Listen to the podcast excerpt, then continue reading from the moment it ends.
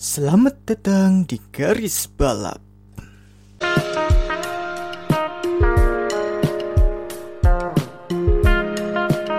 di siang gitu lah lupa juga sih tuh gue tuh juga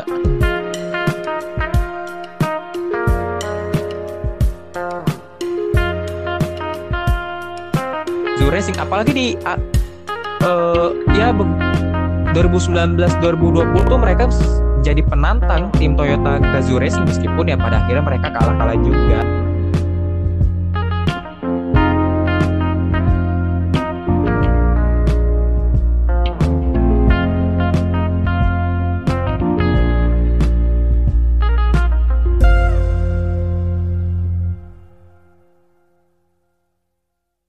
selamat malam semuanya. Kembali lagi di channel garis balap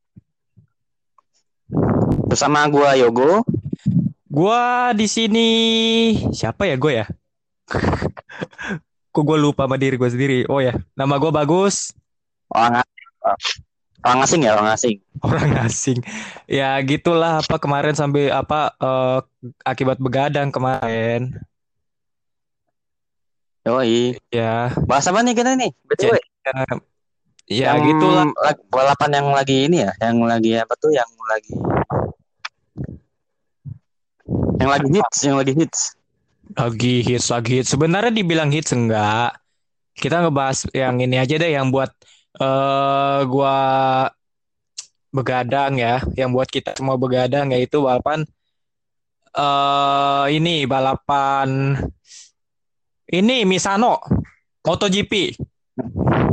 oh iya Misano ya Gua nggak nyangka Misano itu, gua nggak nyangka itu Bagnaya bisa, aduh bisa kasihan banget itu. Itu harusnya dia menang sih. Tapi ya kre- give credit buat Vinales sih.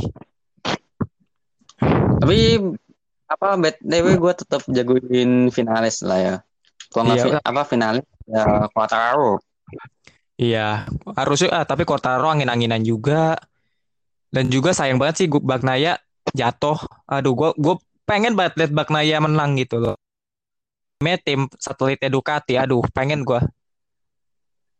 Tapi yang Itu gua- Kadang gua. banget sekali-kali gue lihat dia ada di podium itu Nakagami. Iya, nak- salah satunya juga Nakagami. Udah berapa tahun Iya. ini dia ya dia deserve podium lah kalau Nakagami. Iya. Eh, Dia bukan di langsung aja ke topik. Iya, ini bukan di Randau nih MotoGP nih, woi. Udahlah basa-basinya, langsung aja ke topiknya. Apa? Ya. 24 hour months. Ah. Oh ya soal 24 buat hour lemons. Jangan lemans, lemons. Dengan Lemos apa ya. Iya. logat, logat Perancis, lemong, lemong. Bukan bukan lemang ya. Hmm, Lemon, lemon. Le- bukan lemon juga. Lemon kan buah. Oh ya buat pendengar nih, buat pendengar bagi yang nggak tahu Le Mans itu apa, Ya. Le Mans itu kota di Prancis. Eh, dia di samping terkenal sebagai balapan, dia juga terkenal eh, akan budaya dan pariwisatanya itu. Yang Hmm, terkenal di sana itu ada dua, ada Iya. Cathedral of Saint Julian sama Musée DTC. Itu yang Le Mans. Sama ya, Iya. paling kalau untuk masalah eh, ada museum itu 24 Hour Le Mans ya di situ banyak itu ikonik banyak tuh banget apa eh, mobil-mobil juara yang terpajang di situ ya. Hmm, Wah, hmm. itu luar biasa. Gue pengen tuh ke Dan sih. kalau kalau nggak salah ya, kalau yang se apa sependengaran gua itu eh, di kota Le Mans itu eh, cukup diminati juga sih sama apa wisatawan Indonesia. Apalagi kalau yang untuk pecinta otomotif, Oh iya. hampir semua pecinta otomotif kalau misalnya dia ke Prancis pasti mengunjungi Museum of 24 Hour Le Mans. Karena Lemang tuh ya itulah apa sih namanya pusat apa ya pusatnya bukan pusat sih apa sih namanya Em, tempat kelahiran balapan paling ikonik Cuk, salah satu paling salah satu balapan paling ikonik di dunia yaitu 24 Hour Le Mans. Di samping ada Iya. Indy 500 yang dari Amerika yang ikonik juga dan Monaco Grand Prix kan itu kan di motorsport tuh kan ada Triple Crown kan. apa tuh Ah, iya betul. balapan yang dianggap triple crown ya yang dianggap paling bersejarah dan ikonik lah yaitu 24 Hour of Le Mans lalu uh, tadi Indy 500 lalu ada Monaco Grand Prix dan tiga-tiganya ini balapannya udah cukup berpuluh-puluhan tahun hampir seabad gitu. Bukan balapan Iya. kaleng-kaleng Dan Limax ini dan Limax ini katanya eh, ajang yang apa ya, yang paling pokoknya kalau misalnya setiap eh, pebalap F1 yang dia udah menyelesaikan karir di F1 Iya. pasti la- eh, kebanyakan larinya pada ke Le Mans. Ya itu kan? itu sebagai ajang pelarian aja lah ya. Tapi kalau Ah, ya, tapi kok eh, ajang pelarian yang apa ya? Misalnya kayak Fe- Fernando Alonso, oke Fernando Alonso udah menangin dua kali juara dunia di F1, udah menangin Monaco Grand Ya. Prix. Mus Ya. kalau nggak salah ya, musim lalu bahkan dua musim yang lalu juga dia ikut ajang Le Mans dan ternyata juara loh dua kali kalau nggak salah. Juara dua kali Le Mans Musim 2018 2019. Cuma oh iya, Alonso 2019 ya. ya. cuma Alonso belum memenangi satu ajang nih yaitu Indy 500. Nah, makanya Indy 500 nih dia doi ngebet banget nih sama ajang ini. Iya. Tapi mah Lemang mah udah udah udah di genggaman tam- tangannya Alonso, cuma tinggal Indy 500 doang yang belum gitu. Yoi. Nah, ini kalau kita bicara masalah Le Mans nih, balapan kemarin itu kalau gue lihat eh, cukup fantastis, ya, cukup menarik juga. Karena Banget. tim, nah ini apa ya? Sesuai sama prediksi gue gitu. Lo, Predik- lo apa gini nih? Pred- Lo nyangka nggak kalau misalnya prediksi apaan ya mereka apa gue berprediksi? yang paling kuat tuh Toyota. Rebellion apaan sama Mercedes asli. Ya betul betul. betul. Yang kelas Toyota. Ya iya Toyota. Setelah apa Audi eh, hengkang dari Lemang, Porsche hengkang dari Lemang ya Toyota nggak terkalah. Ya iya pabrikannya Toyota doang. Yang Padahal sisa sebelum sebelumnya sebelum sebelumnya ya Audi, Porsche, Toyota tuh di bawah bawah bayang-bayangnya Audi sama Porsche. Cuma emang nggak ada dua pesaing itu aja. Makanya Toyota jadi hat trick tiga kali berturut-turut menang. Itu pun juga nggak ada kehadiran Audi sama Porsche. Iya, cuman kan waktu di tahun berapa itu Toyota kan sempat hampir menang ya, cuman gara-gara ada insiden pada saat dia mau capai garis finish, lalu mobilnya berhenti kan, Nah, tiba-tiba 2016 ya itu. gitu kan. Iya. Iya, 2016 itu sakit banget Iya itu. Iya. Itu Kazuki Nakajima terakhir yang ngendarain mobilnya itu aduh, gua ya nggak bisa berkata apa-apa sih ketika ada ketika itu terjadi gitu. Dan sebenarnya nggak hanya tahun itu aja, banyak kok Toyota tuh banyak banget em istilahnya apa ya, percobaan untuk memenangi ajang ini. Udah Toyota tuh pertama kali kalau nggak salah tuh ikut ajang ini tuh sekitar tahun 88 kalau nggak salah ya. Correct me if I'm wrong. Kalian boleh 88 ya. 8887 kalau tidak salah dan baru memenangi ajang Le Mans ini tahun 2018. Tahun 99 juga hampir juara tuh, tapi sayangnya eh ada masalah ya pada mobil pada mobil mereka ya jadinya peringkat dua gitu di bawahnya Audi kalau tidak salah. Ya, selalu di bawah Audi sama Porsche lah itu si Toyota mah. Dan pes- Cuman kalau dari balapan dari balapan kemarin itu Toyota sempat mengalami beberapa insiden ya, betul, masalah sistem turbo mobil Toyota 7, betul. kalau nggak salah ya. Betul, betul, betul. Nah, ini meskipun Toyota menjadi apa istilah yang paling superior lah ya untuk kelas LMP untuk kelas LMP 1. Tapi menurut gua juga Toyota ini apa ya? Em, jatuh bangun untuk memenangi kembali Le Mans ini. Iya, betul. Udah gitu apa ya eh, di mobil em, pada saat malam harinya kalau nggak salah ya yang ada juga mobil Toyota ngalamin masalah em, brake itu kalau nggak salah nomor 8 ya apa apa nomor 7 gitu lupa gua dan satunya lagi mengalami masalah turbo Turbo nomor 7 yang Turbo- dikendari sa- salah satunya Kamen Kobayashi yang mengendari nomor 7. Oh iya iya iya benar masalah itu di nomor 8. Iya iya.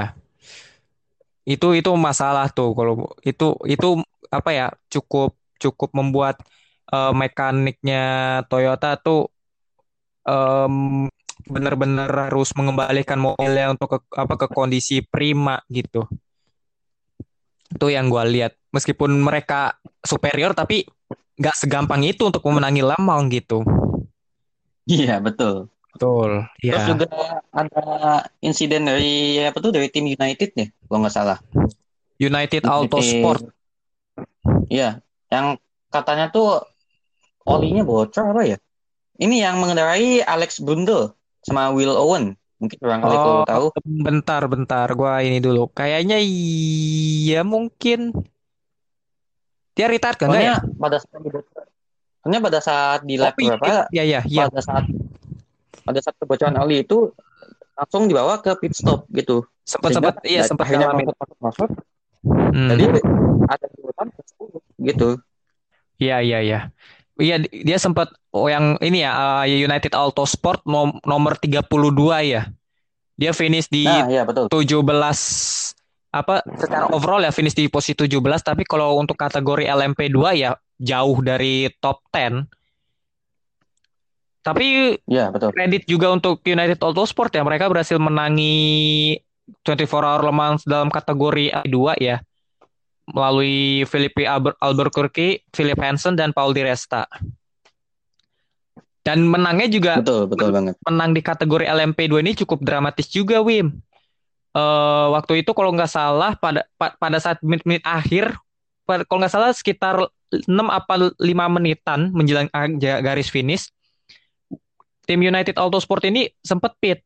Entah gue nggak ngerti apa kena- kenapa mereka pit yang membuat Felipe A- Abe- salah satu pembalapnya Fili- Felipe Abel Albuquerque apa ya kayak Iya. panik gitu di kayak panik gitu di ruang garasi. Waktu itu kalau nggak salah yang ngendarain Philip Hansen deh yang ngendarain dan Albuquerque sampai panik itu kelihatan di kamera karena ini salah satu kesempatan gue untuk menangin Le Mans nih dan akhirnya diambil alih oleh eh, tim Jota melalui eh, Felix da Costa tapi Felix da Costa ngalamin masalah juga nih.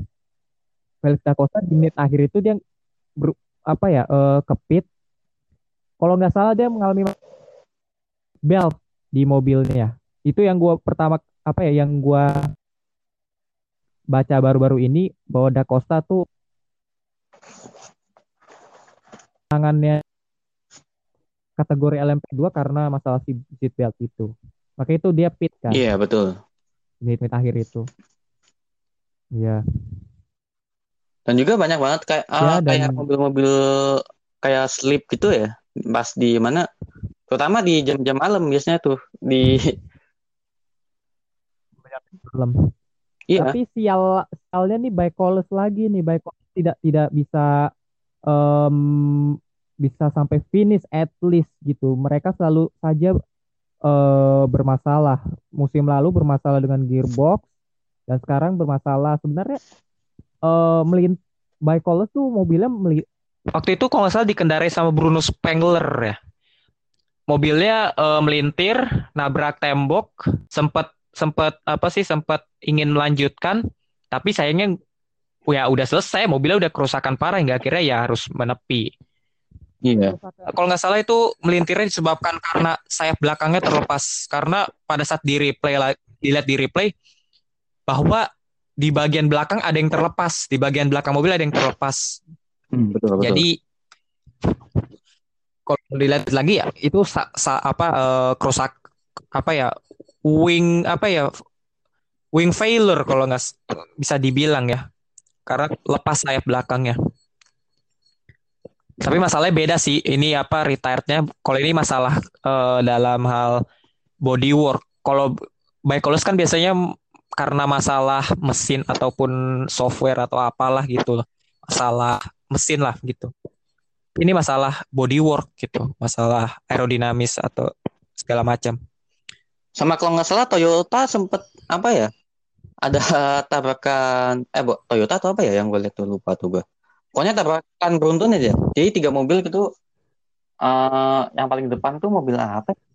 Pokoknya warna oranye tuh lupa tuh gue tuh. Itu selip nah dua mobil dua mobil di belakangnya tuh jadi ikutan beruntun gitu loh. Lihat gak lo itu lap itu berapa? Itu pada saat periode mana ya?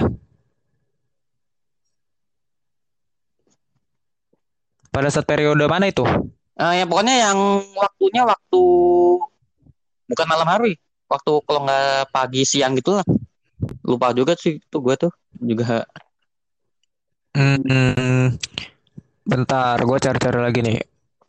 Em, itu ini ya kelas LMP ya, kelas LMP ya, kalau nggak salah LMB ya. LMB Kayaknya sih gak ada deh. Seingat gue nggak ada deh. Sampai retire gak tuh? Sampai rusak gak mobilnya? pokoknya sam eh, dibawa ke pit stop sih tiga-tiganya itu Hmm, mungkin yang nonton bos bisa tulis di kolom komentar Nah, ya, di mantap. Twitter ataupun Instagram ya. Saling mengingatkan aja ya. Kalau kalian apa mendengarkan podcast ini sampai segini sih kalian luar biasa sih. Ya, tolonglah saling-saling bantu. Kalau kalian ingat itu kejadiannya kapan dan lap berapa dan di jam berapa, boleh tulis di kolom komen, oke? Nah, dan Reb dan apa ya? Balapan Le Mans ini jadi balapan terakhirnya tim Rebellion Racing, Wim, di Rebellion ajang World. Endurance Championship karena iya kan mereka finish 2 sama 4 tuh. Ini jadi jadi balapan terakhir mereka. Hmm. Karena pada seri WEC selanjutnya mereka udah nggak balapan lagi, udah memutuskan untuk mengundurkan diri. berarti musim 2020 ini jadi musim ada di apa ya jadi ajang perpisahan berarti ya untuk apa Rebellion tim Iya, Rebellion Racing. Betul. Padahal ya meskipun di meskipun mereka apa ya? Bukan tim pabrikan dan istilahnya LM mereka tuh ke LMP1 tapi mereka tuh tim privateer gitu. Tim yang istilahnya berdiri sendiri bukan atas dasar berdiri karena dia tim pabrikan apa pabrikan berasal dari pabrikan mobil apa enggak bukan. Ini tim yang berdiri sendiri. Menurut gue pencapaian mereka ya meskipun tim kuatnya cuma satu sih Toyota Gazoo Racing tapi menurut capaian Re- Rebellion Racing ini ya bagus posisi dua kemarin dan di beberapa lemang terakhir juga mereka juga podium kan? Ya dan di WE, di WEC juga mereka cukup menjadi panan, penantang dari Toyota Gazoo Racing. Apalagi di a- eh, ya be- 2019 2020 tuh mereka s- jadi penantang tim Toyota Gazoo Racing. Meskipun ya pada akhirnya mereka kalah-kalah juga. Betul dan betul kualitas pembalap mereka juga bagus gitu loh. Tapi sayang yang gue yang gue sayangkan adalah Rebellion mobil apa ya mobil Rebellion Racing nomor 3 nih yang dikena kendarai Nathaniel Burton, Louis Deletras sama Roman Dumas ketika mendekati jam-jam akhir mereka sempat keluar jalur. Padahal itu mereka sedang berada di posisi tiga loh. Wah, Oh, kalau i- misalnya Keluar apa Iya. ya ja- ja- dalam atau nabrak itu ya nabrak apa tuh pembatas ya sedikit sedikit nabrak ya? tembok, tapi Oh, masih iya, bisa iya, iya. iya lihat juga tuh gua dan terpaksa terus juga. Ah. Iya. Itu sayang banget itu itu padahal udah di posisi tiga dan ya udah ambiar aja udah ngelakuin kesalahan kayak gitu dan yang ngelakuin kesalahan itu ya Louis Deletras dan gue maklumi aja. Eh ya mungkin Deletras belum bisa adaptasi ke balapan 24 hour lemang pertamanya juga pembalap Formula 2 iya dan betul. mereka tampil solid lah Rebellion Racing. Meskipun ya ada beberapa faktor di mana mereka melakukan kesalahan ataupun mengalami masalah. Sempat beberapa kali mengalami masalah mekanis kan sempat dibawa mobilnya dibawa ke garasi Iya. yang membuat mereka jadi aduh kayaknya nggak bisa nih kayak nggak bisa podium atau paling nggak finish lah. Tapi akhirnya Hmm. mereka bisa. Posisi nomor dua dengan Gustavo Meneses, Normanato sama Bruno Senna. Ya meskipun eh, jarak gapnya berbeda 5 lap sih dan itu jauh sekali tapi ya Toyota nomor 7 juga jarak lapnya sama pemenang Lemong juga jar jaraknya 6 lap gitu.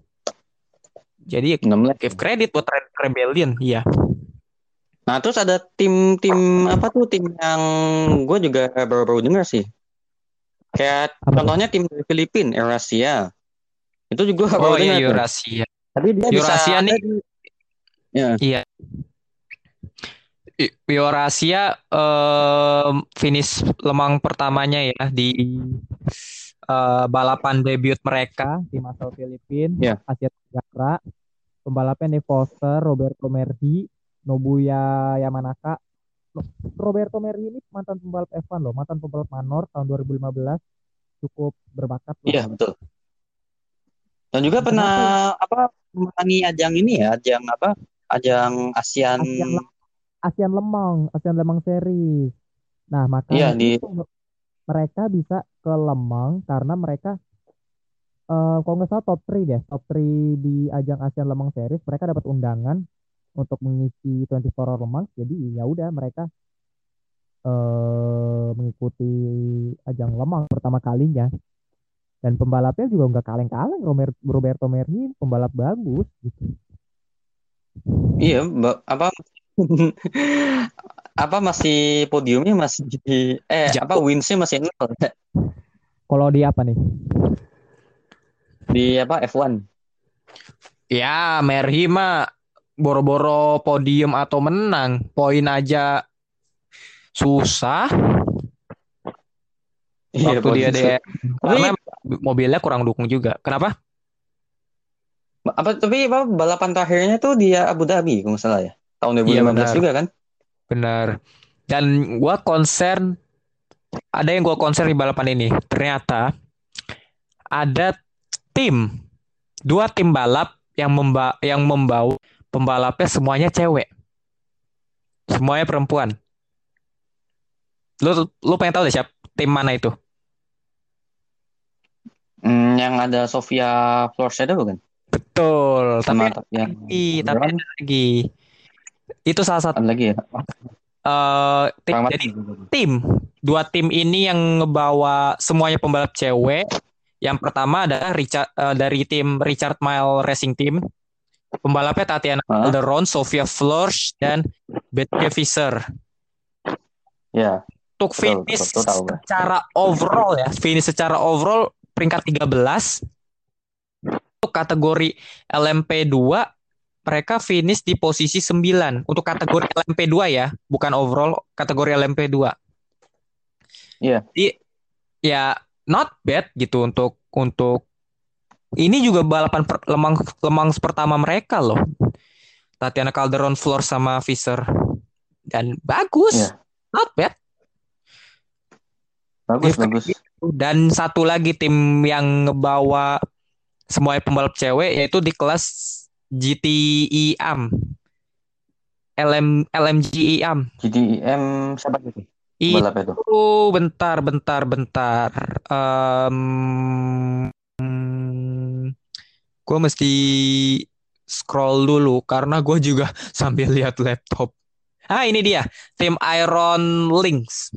Iron Lynx nama nama pembalapnya Rahel Frey, Michelle Getting sama Manuela Gosnar. Mereka ngendarin mobil Ferrari 488 GTI Evo. Di GTI AM ya not bad juga lah. Di kelas GTI AM mereka finish peringkat 9 di kategori GTI amatir. Mereka finish posisi Hmm. juga dan musim lalu mereka juga ikut ajang Le Mans juga. Dan ya f- bagi mereka finish sih bagus sih. It- jujur ya, untuk Le Mans lu bisa finish aja itu udah pencapaian yang luar biasa loh. Berapapun Iya, posisi rasanya 24 jam ya. Iya, itu suatu kan? effort gitu. Lu mau finish di berapapun, kalau lu bisa finish di Lamang, lu akan dihargai. Betul, betul. Ya, lu dianggap pahlawan di sana gitu. It Ah, doesn't matter betul, betul. posisinya berapa, tapi at least lu bisa finish dan effort lu bagus, ya lu akan dicap bagus, dicap pahlawan sama orang-orang sono gitu. Apalagi yang ngendarin cewek semua dia. Cewek semua nih. Kan? Iya.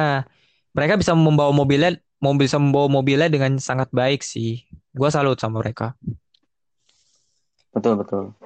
Oh ya tadi sama ada tim Iron apa Iron Lynx tadi yang lu sebutin ada namanya siapa Manuela Gusner. Iya. Kenapa? Nah itu kalau kalau nggak salah, kalau apa kalau nggak salah yang gua pernah baca tahun 2018 atau 2017 tuh lupa gua. Pernah ikutin aja apa Ferrari Ferrari Challenge Europe dan Fer- dia menang di urutan ketiga. Itu bagus Ferrari Challenge Europe maksud gua itu Ferrari ajang ya khusus mobil Ferrari dan ternyata bagus juga kan dia. Untuk Iya. kategori amatir pembalap cewek bagus lah. Rahel Frey sama si Michael Getting dan Manuel Gosnar. Dan kemudian dari segi usia juga udah lumayan Iya. juga sih. Oh iya, Kayak pembalap muda. ya.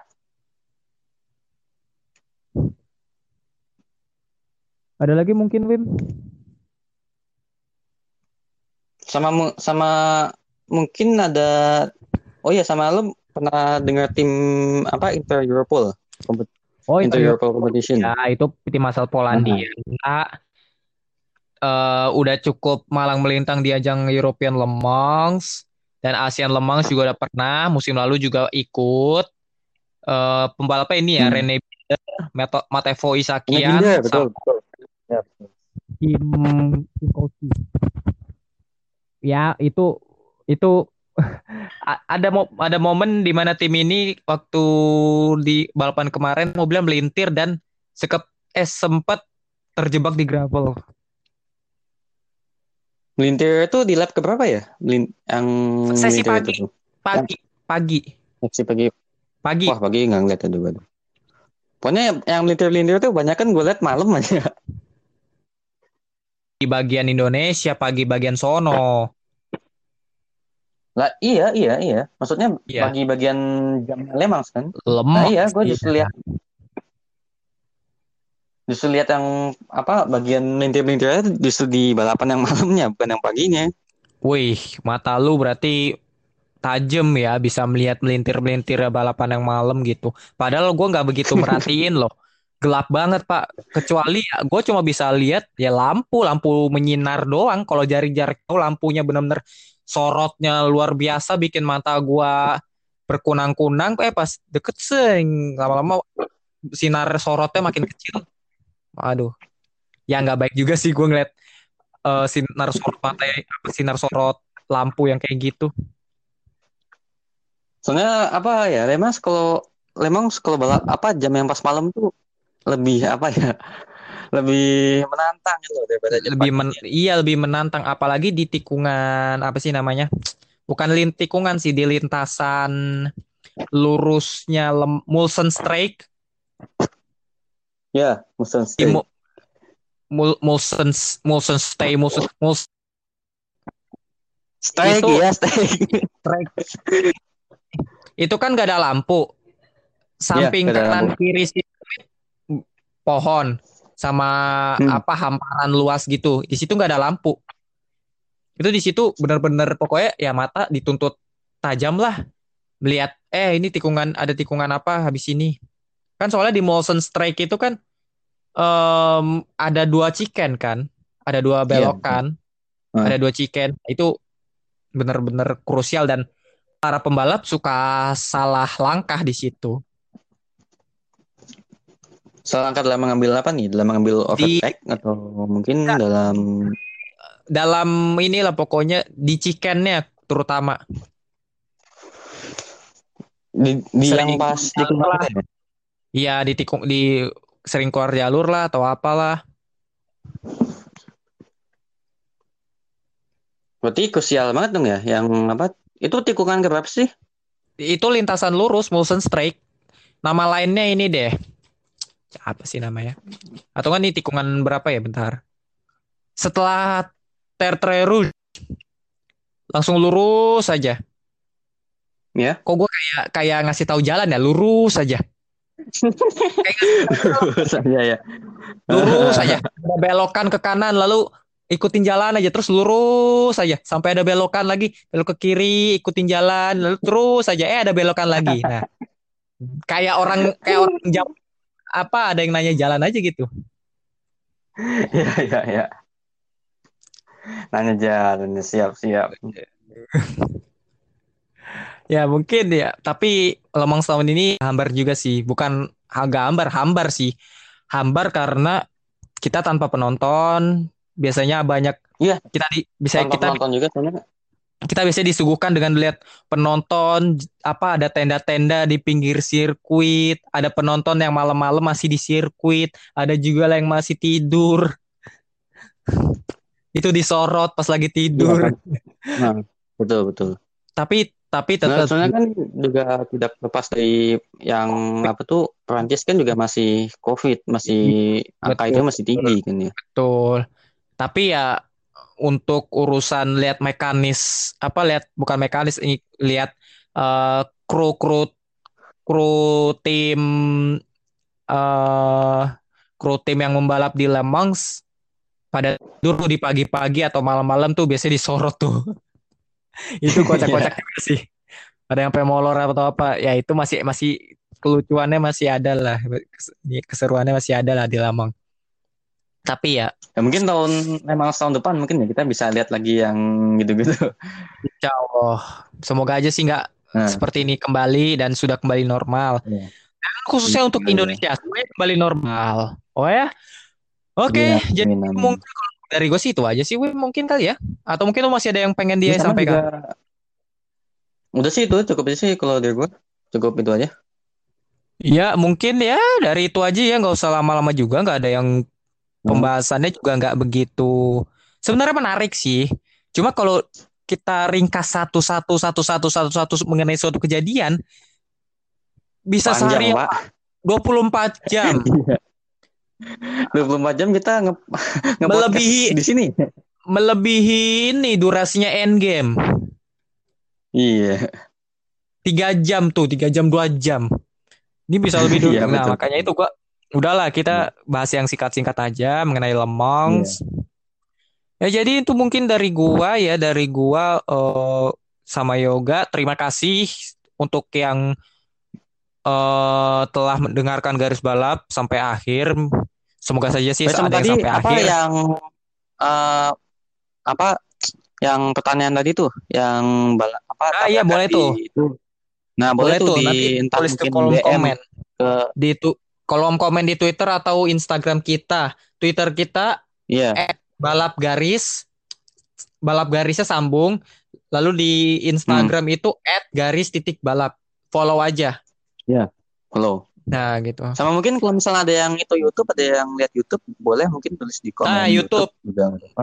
garis balap subscribe juga kasih like kasih Iya. komen boleh komen di Betul. situ Ah. kita di sini juga podcastnya nggak hanya di Spotify ataupun apa di YouTube juga tersedia YouTube Tapi ada, ya- ada juga. tetap ada gitu loh ya jadi ya itu aja mungkin dari gua tet- tet- tetap apa ya eh menjaga kesehatan untuk kalian untuk kalian yang mendengarkan ini sampai akhir gua mengucapkan terima kasih eh bisa kasih mendengarkan bincangan sotoy kita ini yang fans balap awam yang istilahnya masih bener-bener ya dibilang sotoy sebenarnya enggak. Ini analisa kami sebagai fans balap.